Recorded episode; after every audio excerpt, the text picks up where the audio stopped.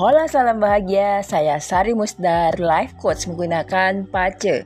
PACE ditulis B-A-Z-I adalah bagian dari metafisika Cina. Seperti Feng Shui yang lebih dikenal di Indonesia. Tapi Feng Shui dan Pace sangat berbeda. Kalau Pace membahas tentang energi manusia, sedangkan Feng Shui membahas energi lingkungan atau bumi. Misalnya contohnya bagaimana cara mengoptimalkan energi di dalam rumah atau bangunan atau kantor ataupun ruko. Pace beberapa tahun, tiga tahun belakangan ini mulai terkenal Uh, mungkin karena sejak saya muncul di Kompas TV, sebenarnya Pace sudah lama dikenal tentunya di Indonesia pun ya. Pace ini sudah ada sejak uh, di luar di negaranya aslinya ya di Cina. Sebenarnya sudah kurang lebih 2000 tahun yang lalu. Tapi di Indonesia mungkin sudah dari zaman kakek nenek ya dari tahun 1900-an mungkin sudah ada ya. Uh, dan kebanyakan orang hanya diketahui oleh orang-orang yang keturunan Tionghoa. Tapi e, menurut beberapa klien saya yang keturunan Tionghoa asli, pace tradisional dan pace yang saya gunakan itu sangat jauh berbeda. Kalau pace tradisional isinya seperti fonis, seperti ramalan. Sedangkan yang saya terapkan adalah saya belajar dari Master Metafisika Cina nomor satu dunia, Dato' Joyep, Dato' Joy, dan beliau ini sangat menarik ya karena materinya itu bisa adaptif dengan orang-orang dunia modern yang masih sangat berpikiran logis dan menggunakan teknologi. Sama seperti saya, karena sebenarnya saya juga latar belakang saya sebenarnya pekerja formal sebelumnya ya eh, di bidang human resource depart, human resource development, kebanyakan di perusahaan multinasional. Jadi saya memang berangkat dari manajemen sumber daya manusia. Oleh sebab itu, saya tertarik untuk menggunakan Pace sebagai alat bantu saya untuk mengarahkan klien-klien saya untuk mencapai tujuan hidup mereka, baik itu tujuan personal ataupun profesional. Saya Sari Musdar, pace coach pertama yang tampil di media TV nasional yaitu Kompas TV 2 Imlek berturut-turut 2021 dan 2022 dan diliput sebel, kurang lebih dari lebih dari 11 media online nasional saat saya mengadakan webinar siap 2023 ini yang ketiga ya sejak 2021 langsung aja saya mau membahas feng shui. Untuk feng shui saya tidak terlalu mendalami, saya hanya belajar uh, apa ya workshop lepasan dari Joyap uh, Joyap Research Foundation, Joyap Research Internasional ya. Um, kalau Pace memang saya sangat mendalami, saya ngambil Pace Academy dan lain-lain. Untuk tahun ini, jadi setiap tahun um, sektor yang menguntungkan dan kurang menguntungkan itu berubah-berubah ya. Uh, berdasarkan sistemnya Swan Kong, ada Flying Star dan lain-lain. Uh, maka tahun ini sektor yang menguntungkan juga berbeda dengan sektor di tahun 2022. Untuk sektor-sektor yang menguntungkan di tahun 2023 yaitu sektor selatan ini bagus untuk alur pemasukan uang supaya lancar ya. Kadang-kadang kita mungkin kalau kerjanya kantoran ya sudah ada fixed income tapi yang seperti saya misalnya atau yang punya usaha kan penghasilannya tidak tetap ya. Kita misalnya jualan kelihatannya rame tapi uangnya kok nggak uh, agak sulit gitu ya masuknya. Mungkin ada yang telat bayar dan segala macam. Jadi selatan ini bisa ngebantu untuk teman-teman supaya alur masuk uangnya lancar. Seperti itu. Uh, bagus juga untuk teman-teman yang punya bisnis sampingan.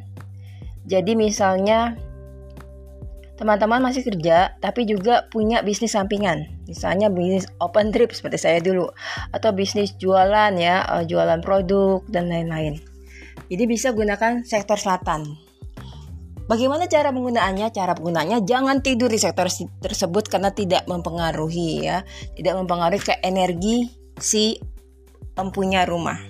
Jadi sebaiknya duduk bekerja, membuat perencanaan, menelpon calon pelanggan, memposting konten marketing dan lain-lain ya, membuat perencanaan di sektor selatan.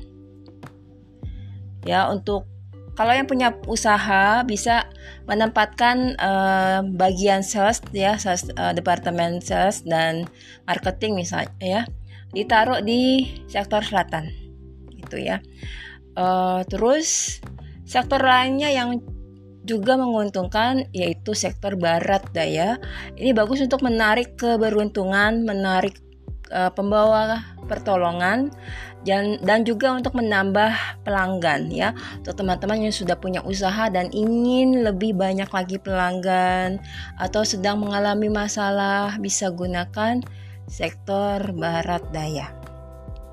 Yang berikutnya sektor tengah, di tengah ya pasti tengah-tengah rumah ya eh, atau di tengah-tengah ruko atau di tengah-tengah kantor yang punya kantor sendiri yang owner bisnis ya eh, bisa gunakan area tengah untuk pendidikan, untuk peningkatan keahlian dan juga untuk cinta. Jadi kalau punya anak di rumah belajarnya di sektor tengah rumah misalnya seperti itu ya.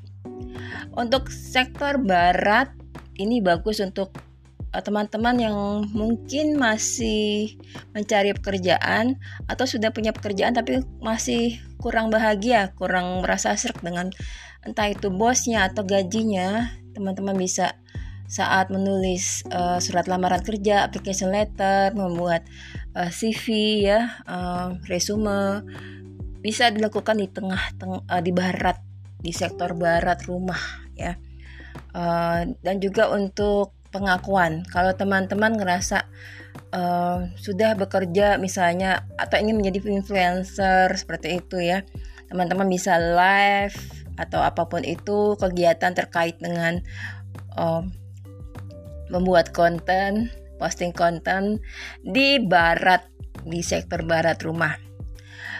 Perkecualian uh, untuk sektor barat sebaiknya tidak digunakan untuk teman-teman yang sio kelahiran sio tahun kelahiran, tahun monyet, tahun anjing dan tahun ayam. Sebaiknya tidak menggunakan sektor barat. Dan satu lagi sektor yang menguntungkan yaitu sektor utara di bagian utara di dalam rumah ya ini bagus untuk ekspansi bisnis. Kalau teman-teman ngerasa ingin memperluas bisnis, teman-teman duduklah di di utara ya. Uh, bisa bekerja di situ seharian kalau yang memang bekerja uh, bekerja dari rumah atau yang punya kantor sendiri, duduklah di sektor utara. Bagus juga untuk kenaikan jabatan dan bagus juga untuk investasi teman-teman yang memang suka investasi. Nah, apa sih pengertian sektor ini? Bagaimana cara mencari sektor dan apa pengertian rumah? Di Feng Shui, pengertian rumah adalah yang area di dalam rumah yang ditutup oleh dinding ke empat sisinya dan juga ditutup oleh atap. Kalau misalnya ada yang terbuka berarti tidak masuk area, tidak masuk pengertian rumah. Kalau misalnya rumahnya bentuknya tidak kotak ya masih ada sisa halaman misalnya, teman-teman tarik garis terluar ya sama seperti kita menentukan kalau di hukum laut menentukan uh, perairan laut terluar ya seperti itu bisa gunakan pokoknya kita membuat kotak dari garis terluar rumah bangunan di rumah kita seperti itu.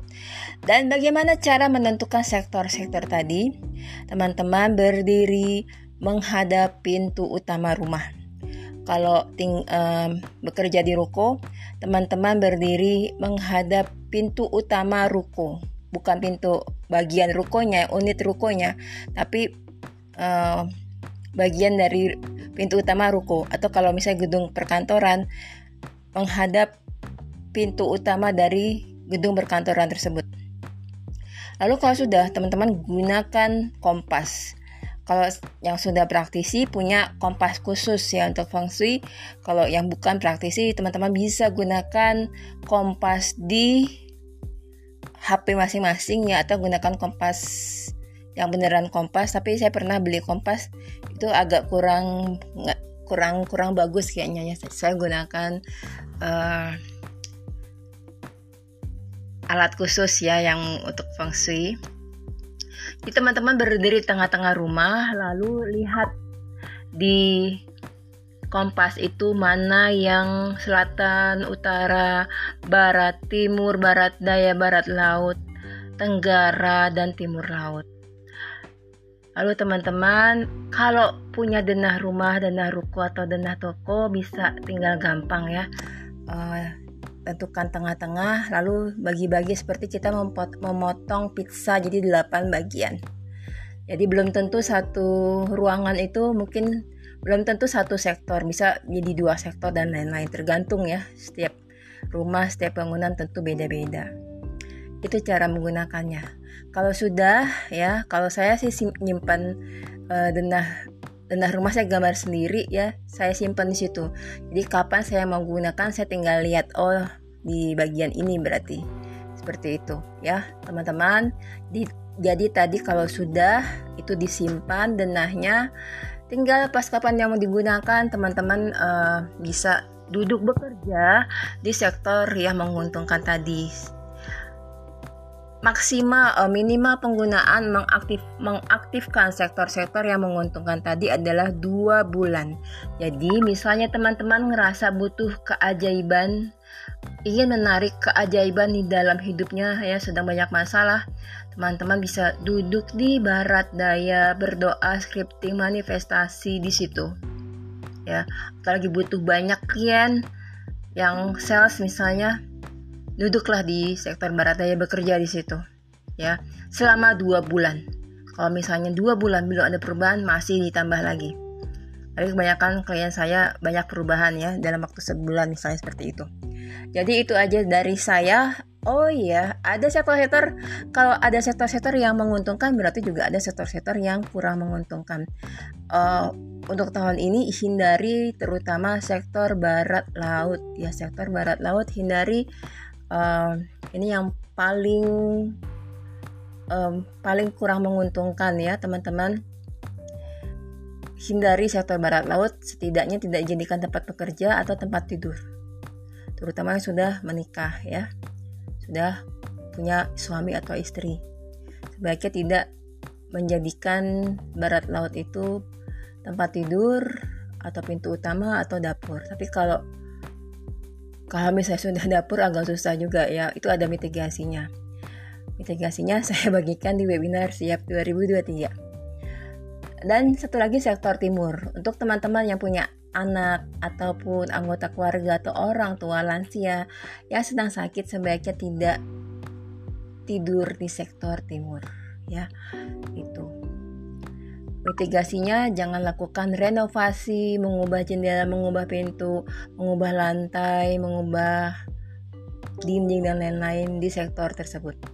Semoga bermanfaat ya. Uh, saya akan mengadakan webinar gratis di Zoom